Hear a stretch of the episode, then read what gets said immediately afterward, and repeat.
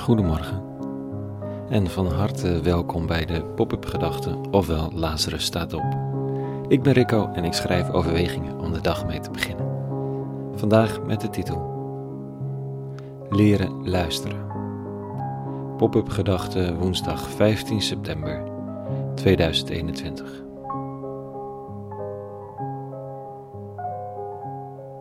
Je moet eens leren luisteren roept een gefrustreerde leraar, juf, vader, moeder. Wat betekent dat het tijd wordt dat je gehoorzaamt? Er ligt weer koffie over de vloer. De auto heeft een deuk te pakken. Het raam is toch kapot gegaan. De was is verkleurd. En er was nog zo gezegd let op de kleuren. En het eten is niet te hachelen, want je was weer eens eigenwijs in het door elkaar husselen van ingrediënten. Je moet eens leren luisteren. Oftewel, gehoorzamen. Oftewel, uitvoeren. En doen wat er gezegd wordt. Er is nog een ander luisteren. Een leren luisteren waar je muziekleraar het over heeft. Of de haptonoom. Of een natuurmens. Leren luisteren naar dat wat niet zomaar te horen is. Die boventonen in de muziek. De verschillende signalen van je lichaam. De geluiden in het bos. Ze geven zich niet zomaar gewonnen, die geluiden. Om ze te horen moet je vaak stilvallen en is er oefening nodig. En als je ze dan hoort, gaat er een nieuwe wereld open. Er is meer dan voor ogen is, of eigenlijk voor oren. Nieuwe geluiden, nieuwe dimensies, een nieuwe diepte aan de werkelijkheid. Leren, luisteren. Ook dat is soms leren gehoorzamen. Zoals het lichaam dat vraagt, dat je leert luisteren naar de signalen. Zoals ook wijs is in de natuur, dat je leert luisteren en de juiste conclusies trekt als de vogels stilvallen en het rommelt in de verte. Leren luisteren naar de verborgen stemmen.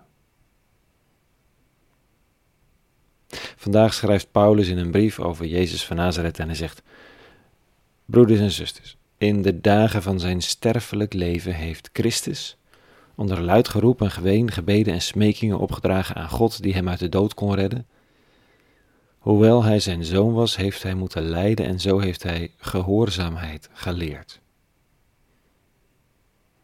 Hoewel hij zijn zoon was, heeft hij moeten lijden en zo heeft hij gehoorzaamheid geleerd. En toen hij naar de uiteindelijke volmaaktheid gevoerd was, werd hij voor allen die hem gehoorzamen een bron van eeuwige redding. Gaat dit nou om de gefrustreerde gezagsdrager die zegt tegen de eigenwijze onderdaan: Je moet eens leren luisteren, gehoorzamen of is het de stem achter de werkelijkheid, die niet in eerste instantie gehoord wordt, maar voor wie stilvalt en oplet? Dat daar dan een stem te horen is, geluiden, een dimensie. Zoals je na intens luisteren opeens kunt horen dat in een muziekstuk een fagot op de achtergrond een eigen partij heeft ingezet. En met dat je dat hoort, klaart het gezicht op en zie je het voor je, de fagot. De klank heeft eigenheid gekregen en nieuwe diepte. Het is niet meer de brei van muziek en klanken, maar elk heeft een eigen plek gekregen. In de pijn en het lijden heeft de zoon, de Messias, de geïnspireerde, gehoorzaamheid geleerd. Hij heeft leren luisteren. Misschien wel als een muzikant heeft leren luisteren. De eeuwige zoekt geen slavenmoraal van mensen die maar dom gehoorzamen.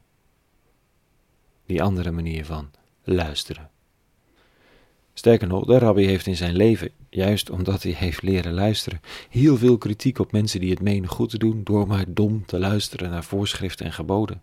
Daarmee slaan ze zomaar de planken mis, sluiten de verkeerde mensen buiten, denken het goed te doen, maar zijn van binnen dor en doof.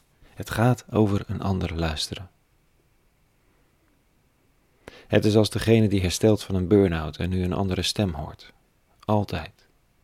Een stem die vraagt om aandacht en die tot de eigen schade te lang genegeerd is. Soms is die stem zo waardevol dat men de burn-out er zelfs om is gaan waarderen, hoe moeilijk het ook was. Maar het leerde je luisteren naar een andere dimensie in de werkelijkheid. De stem van de man van Nazareth, of het geluid van de man van Nazareth, is te horen voor de geoefende oren. Het geeft zichzelf niet zomaar prijs. Er zijn leraren nodig om beter te leren horen. En soms is het onontkoombaar om met je hoofd tegen de muur te lopen of het lijden binnen te stappen dat blijkbaar onderdeel is van je route. En dan is daar de roep, de stem, voor jou persoonlijk. Leren luisteren is een prachtige kunst. Voor de vrije vogel kan het op de zenuwen werken, maar de natuurmens weet wat het betekent om te moeten leren luisteren. Het verdiept het leven op allerlei manieren. Tot zover vanochtend. Een hele goede woensdag gewenst. Meer pop-up gedachten zijn natuurlijk te vinden op lazarusstatop.nl. En voor nu, vrede gewenst. En alle goeds.